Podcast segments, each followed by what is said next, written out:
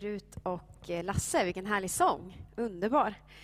Ehm, alldeles strax så ska jag predika. Ehm, så kul att se er tänkte jag säga. Jag ser er ju inte, men eh, vi längtar så efter att få ses. Eh, och vi är närmare nu än någonsin tror jag. Så att, håll ut, håll fast. Vi ber tillsammans innan vi dyker in i Guds ord idag. Herre, jag tackar dig för den här söndagen. Jag tackar dig för att ditt ord är levande och verksamt och jag tackar dig för att du har ett ärende till varje människa idag. Tack att du vill säga någonting. Det kan vara ett ord av tröst, förmaning, uppmuntran, hopp, glädje, frid. Jag ber att du ska tala till varje hjärta. Jag ber att du just nu skulle öppna varje hjärta som lyssnar för att vara lyhörd för vad du vill säga till just den personen. Jag ber att det här inte ska vara vad jag vill säga utan vad du vill säga till din församling idag. Välsigna den här stunden i Jesu namn. Amen. Amen. Ehm, I de här dagarna så har både jag och eh, Gabriel fyllt år. Och då har jag funderat väldigt mycket på det här uttrycket att ha den äran. Min rubrik idag är Han ska ha äran. När vi fyller år så säger vi ha den äran till varandra eller har den äran. Jag googlade på det här, vad är rätt att säga egentligen? Och då stod det typ att från början så sa man har den äran att få gratulera dig idag. Alltså att det är en ära för mig att få säga grattis till någon annan den dagen som den fyller år. Men man kan också säga ha den äran, alltså som att idag vill vi hylla dig lite speciellt. Grattis på din dag. Det är väl fantastiskt att alla får en dag om året i alla fall, när man uppmuntras lite extra sådär. Eh, och jag älskar det här med kalas. Alltså, eh, nu kunde vi inte ha kalas i år, men jag älskar att ha kalas. Jag tycker man ska fira så mycket man kan. Man behöver inte bara fira när man fyller år, utan hitta grejer att fira och fira dem. Det är jag för. Jag tycker om när vi hyllar och ärar varandra och uppmuntrar varandra. Men det finns ju en till dimension av att hylla någon, av att ära någon. Och det finns en person som alltid är värd att äras. Alltid är värd att hyllas. Och det är ärans kung.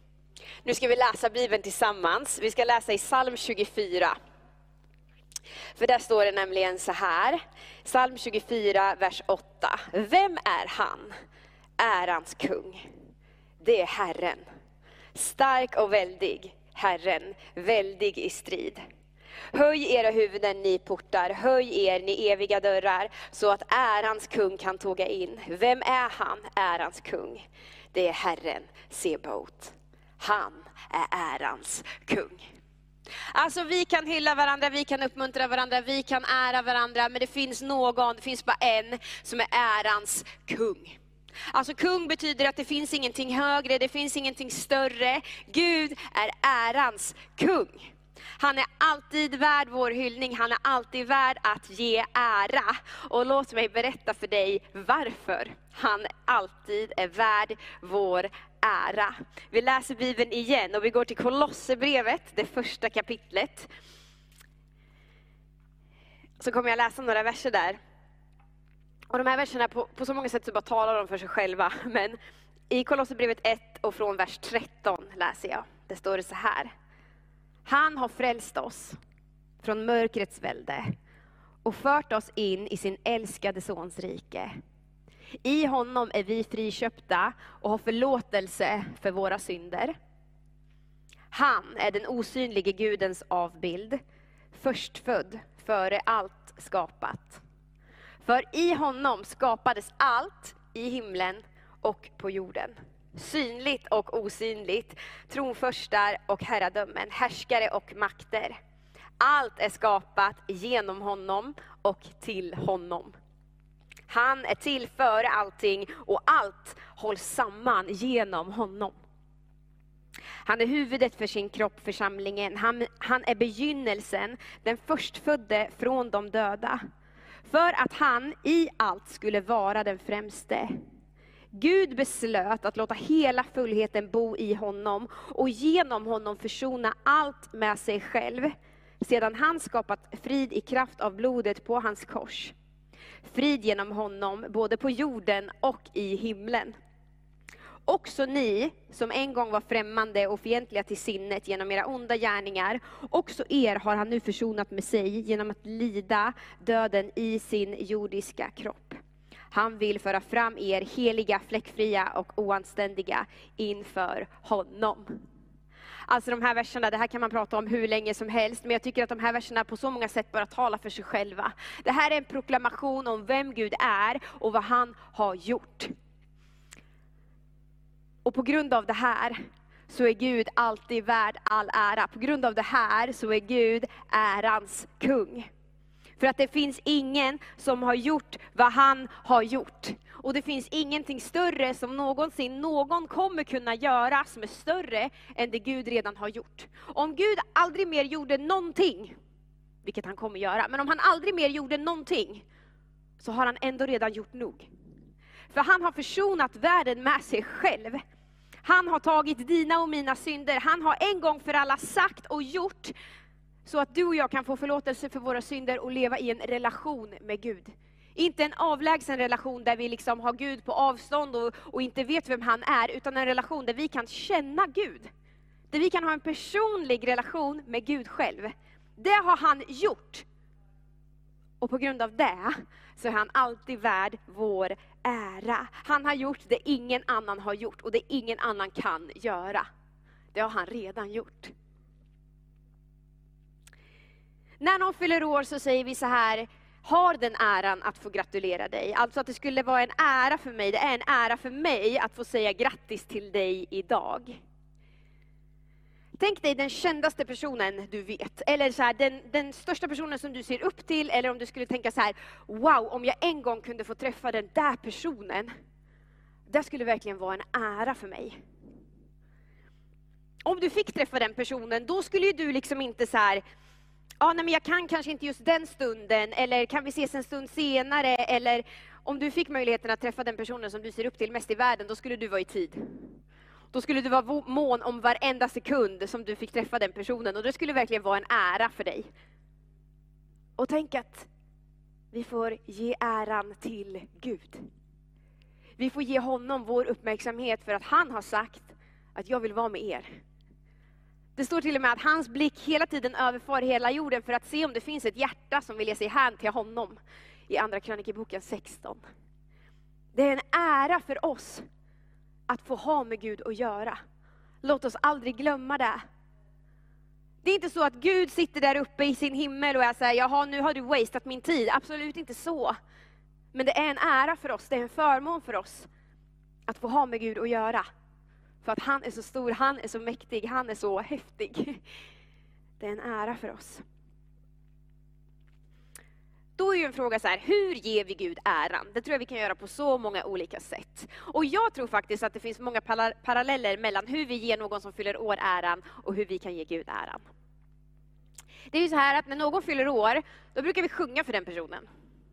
Det gör vi i alla fall i min familj och i min mans familj så sjunger man ännu mera. Eh, det är liksom självklart att man sjunger på morgonen eller någon annan gång på dagen. Man hyllar den personen, man sjunger för den personen den dagen.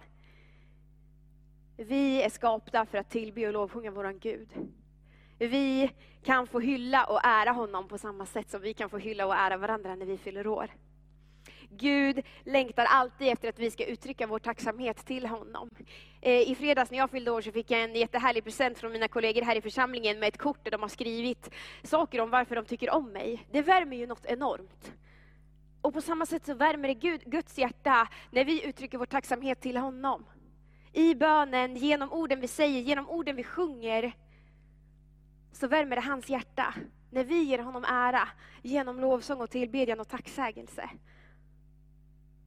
Och Gud är alltid värd vår lovsång. Det finns alltid anledning att tacka honom. Det finns alltid anledning att hylla honom, att ära honom. För allt det han redan har gjort. Och i den här tiden så tror jag att vi utmanas ganska hårt när det gäller det här att lovsjunga.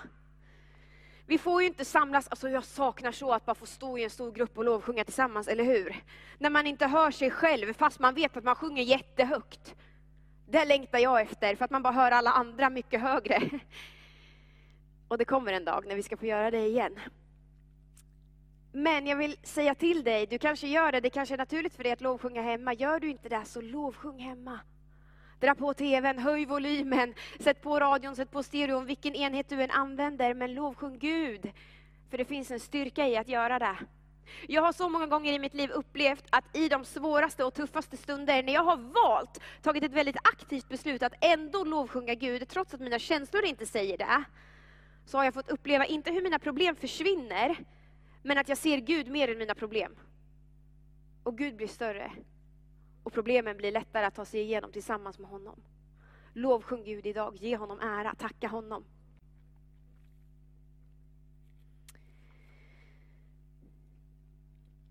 När någon fyller år så ger vi ju den personen presenter. Och jag tror att på samma sätt som vi kan ge varandra gåvor så kan vi ge Gud en gåva. Och grejen är så här att den största gåvan Gud vill ha av dig, det är att du tar emot gåvan från honom. I Efesierbrevet 2 och 8 så står det så här. Av nåden är ni frälsta genom tron, inte av er själva. Guds gåva är det. Guds gåva till dig och mig, som han bara önskar och längtar efter att varje människa ska ta emot, det är frälsningen från honom. Det är det här som vi läste om i Kolosserbrevet, att han har fört oss in i sin älskade Sons rike och förlåtit oss för alla våra synder. Det är den gåvan han står och erbjuder varje människa som vill ta emot den. Och den största gåvan du kan ge till honom, det är att ta emot den gåvan han redan gett dig. För det står i Timoteusbrevet att han vill att alla människor ska bli frälsta och komma till insikt om sanningen. Gud längtar efter varje hjärta. Så din gåva till honom är att ta emot gåvan från honom. Det är häftigt. Han längtar efter ditt och mitt hjärta. Men han längtar efter hela vårt hjärta. Gud utmanar oss att ge hela vårt liv till honom. Inte bara en liten del. Inte bara när jag känner för det, inte bara när allting går bra. Utan att varje dag överlåta hela mitt liv i Guds händer. Och säga, du har mitt liv Gud. Ta mitt liv, det är min gåva till dig. Jesus sa i Matteus 10.39 så här att den som finner sitt liv ska mista det, men den som mister sitt liv för min skull, han ska finna det. Det här är hårda ord tycker jag. Eller hårda ord, det är utmanande ord. Men det är som att Jesus säger så här att antingen så är man med mig, eller så är man inte med mig. Antingen så går man med mig, eller så går man inte med mig. Men Jesus säger också så här att om man helhjärtat vågar faktiskt mista sitt liv, alltså att ge hela sitt liv till Jesus, så finns det ett annat liv att vinna. Att finna. Och det är ett liv överlåtet till Jesus, som är ett äventyr varje dag, som inte alltid är enkelt, men när man får vandra tillsammans med Gud själv, när man får vandra tillsammans med ärans kung. Där han går med oss varje dag. Och att ge Gud våra liv, att ge honom den bästa presenten som jag tror att vi kan ge honom, att ta emot hans frälsning till oss. Det handlar om att låta honom få bestämma. Jag vet inte hur det ser ut i din familj, men i min familj så är det så att när man fyller år, då får man bestämma den dagen. Då är det så här, ja men vad, liksom, frukost på sängen, vad vill du ha frukost på sängen? Då får man det man tycker om. Gabriel fyller år idag, idag gjorde jag kaviarmackor till honom. Det är det värsta jag vet. Usch vad äckligt det är. Men han älskar det, så då gjorde jag kaviarmackor till honom idag. Eh, för att han får bestämma. I min familj så får man bestämma vilken mat man vill ha, man, om det är något speciellt roligt man vill göra så kan man få önska det den dagen och sådär. Jag tror att genom att, när vi vill ära Gud så kan vi få låta honom bestämma över våra liv. Så kan vi helt fullt ut sätta honom högst och säga okej okay, Gud, det är inte jag som först och främst bestämmer i mitt liv, utan det är du. Att ge honom kontrollen fullt ut. För det finns faktiskt en förlängning i våra liv av att Guds, liksom, när vi överlåter oss till Gud helt och fullt, då får det effekter ut i mitt liv som också präglar mina handlingar. Det handlar om hur jag lever mitt liv, inte bara vad jag säger, utan vad jag faktiskt gör. Jesus sa att inte var och en som säger Herre till mig eh, kommer inte komma till himmelriket, utan det handlar om den som gör min faders vilja. Det handlar om att faktiskt leva ett aktivt liv där vi visar att Gud är den som har kontrollen över mitt liv. Det handlar inte alltid om vad jag vill, tycker är bäst, utan om honom. Och jag tror att när vi överlåter oss själva till honom, när vi ger honom kontrollen fullt ut, då ärar vi Gud med våra liv. Det här är inte enkelt och jag tror att vi som sekulariserade västvärldsmänniskor idag faktiskt utmanas på det här området. Vi är väldigt duktiga på att ha kontroll över våra egna liv, vi är väldigt duktiga på att liksom vilja ja, här, styra upp och vi har otroligt många säkerhetsnät där vi garanterar upp för oss själva och vi planerar och allt sånt här och det är inte dåligt. Men jag tror att i allt det här så behöver vi överlåta allting till Gud och säga först och främst är det ditt. mitt liv är inte mitt eget, utan det är ditt Gud. Ta kontroll över varje område i mitt liv, för jag vill ära dig med mitt liv. Jag tror att jag kan ära Gud med min ekonomi. Jag tror att jag kan ära Gud med min kropp. Jag tror att jag kan ära Gud med mina relationer, med mina resurser, med mina tillgångar, med min tid, med mina prioriteringar. Med allt i våra liv kan vi ära Gud. Ta ekonomin som ett exempel. Jag tror på principen att ge tionde till församlingen. Det är en fin biblisk princip som jag har praktiserat länge och jag har aldrig saknat någonting.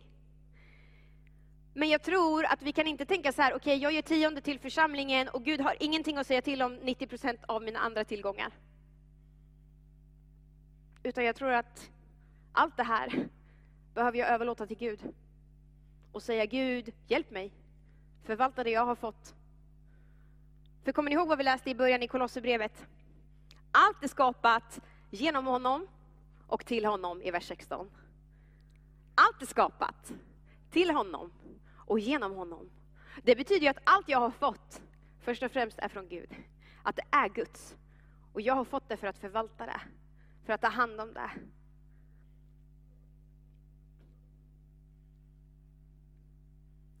Jag tror att min kropp kan jag få använda för att ära Gud.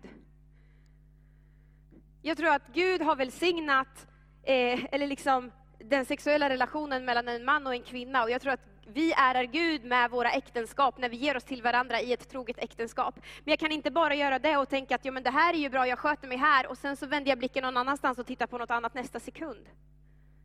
Det är inte att ära Gud med min kropp.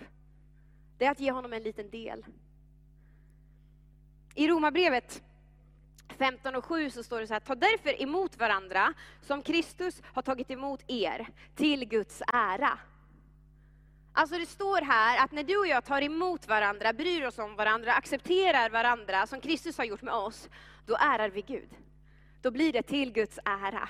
Hur du och jag lever mot varandra, hur vi tar hand om våra relationer, det bryr Gud sig om. Och det ärar honom när vi lever i goda och bra relationer med varandra.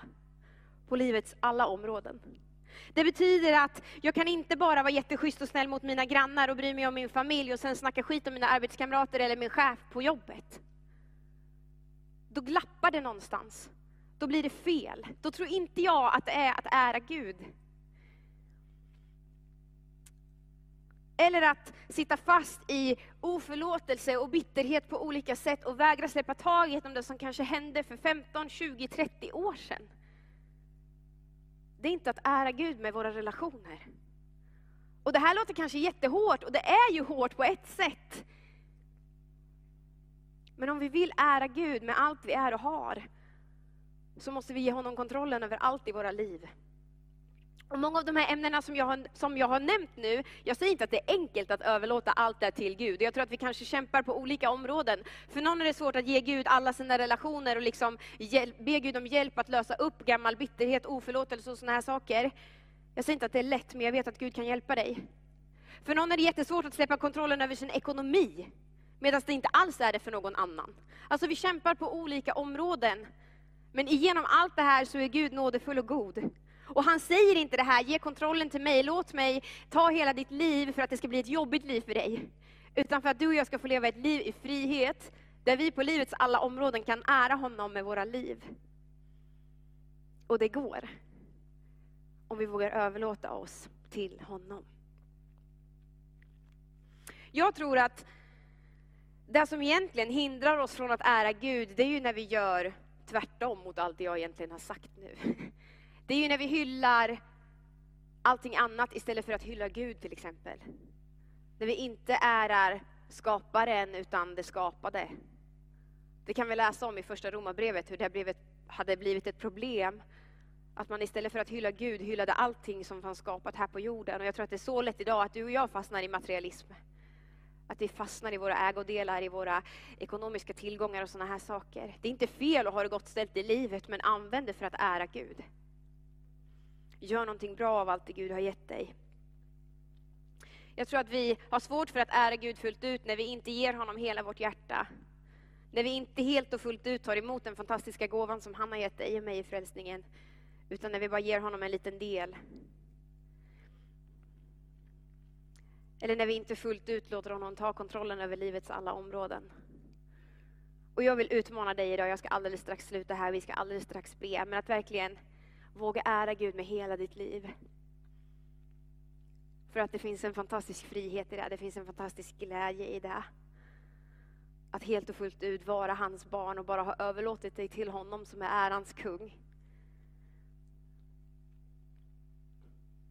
Att överlåta sitt liv till Gud är inte alltid enkelt, men grejen är också det att han vet vad som är bäst för dig och mig.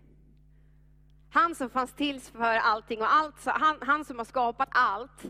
Om det finns någon som har kontroll på allt så är det han. Och om det finns några armar som är värda att helt och fullt ut ramla i, falla i, så är det hans armar. Han kommer bära dig genom livet, han kommer ta hand om dig. Det betyder inte alltid att livet alltid kommer vara enkelt, att allting bara kommer vara uppförsbacke och glatt. Men det betyder att genom allt det där så kommer du ha ärans kung med dig. Så kommer han stå vid din sida, heja på dig och bära dig genom livets alla skiften. Jag vet inte vad av allt det här som jag har sagt som har talat till ditt hjärta idag, men jag tror att om det finns någonting som har talat till ditt hjärta, så är det Gud som vill säga någonting till dig idag. Kanske finns det ett speciellt område i ditt liv där han skulle vilja att du överlät dig på nytt. Där du faktiskt vågade släppa kontrollen till honom. Kanske har du svårt att ge hela ditt hjärta till Gud. Våga göra det idag. Överlåt ditt hjärta till Gud. Kanske var det jättelänge sedan du lovsjöng Gud. Lovsjung Gud idag. Höj, höj volymen. För mig hjälper det att ha hög volym. Det kanske inte gör det för dig, men för mig gör det det. Höj volymen på tvn eller datorn eller vad du nu använder. Lyft blicken och ära Gud som är värd att ära. För sanningen är den att allt det han redan har gjort är nog. Men Gud kommer i sin godhet fortsätta göra mer. Han verkar alltid. Men han har redan gjort det absolut största när han, när han erbjöd dig och mig ett nytt liv tillsammans med honom, eller ett överlåtet liv tillsammans med honom, där vi får ära och upphöja honom. Vi ber tillsammans. Herre, jag tackar dig för att du är den du är. Jag tackar dig för att du är hans kung och för att du alltid är värd att lovsjunga, tillbe och upphöja. Tack för allt det du redan har gjort Jesus. Tack för att du gjorde det som ingen annan kunde göra. Tack för att du öppnade vägen till himlen en gång för alla. Tack för att det finns ett nytt liv tillsammans med dig, Herre. Gud, du vet exakt vem som lyssnar nu. Du ser vad som händer i tankar och hjärtan just nu. Gud, jag bara ber att du ska hjälpa den som vill överlåta sig helt och fullt till dig att göra det här Jesus. Du ser om det finns speciella områden i livet där man känner att här, här är inte jag överlåten, här har jag inte gett allting till Gud. Tack att du just nu i din godhet hjälper att göra det. Jag tackar dig för din nåd, jag tackar dig för din förlåtelse, för din välsignelse. Och jag ber att vi var och en skulle få leva liv som ärar dig helt och fullt ut. Tack att du tar hand om fortsättningen av den här gudstjänsten, fortsättningen av den här dagen. Tack för att du alltid fortsätter verka och göra din grej. Vi tackar dig för det. I Jesu namn. Amen.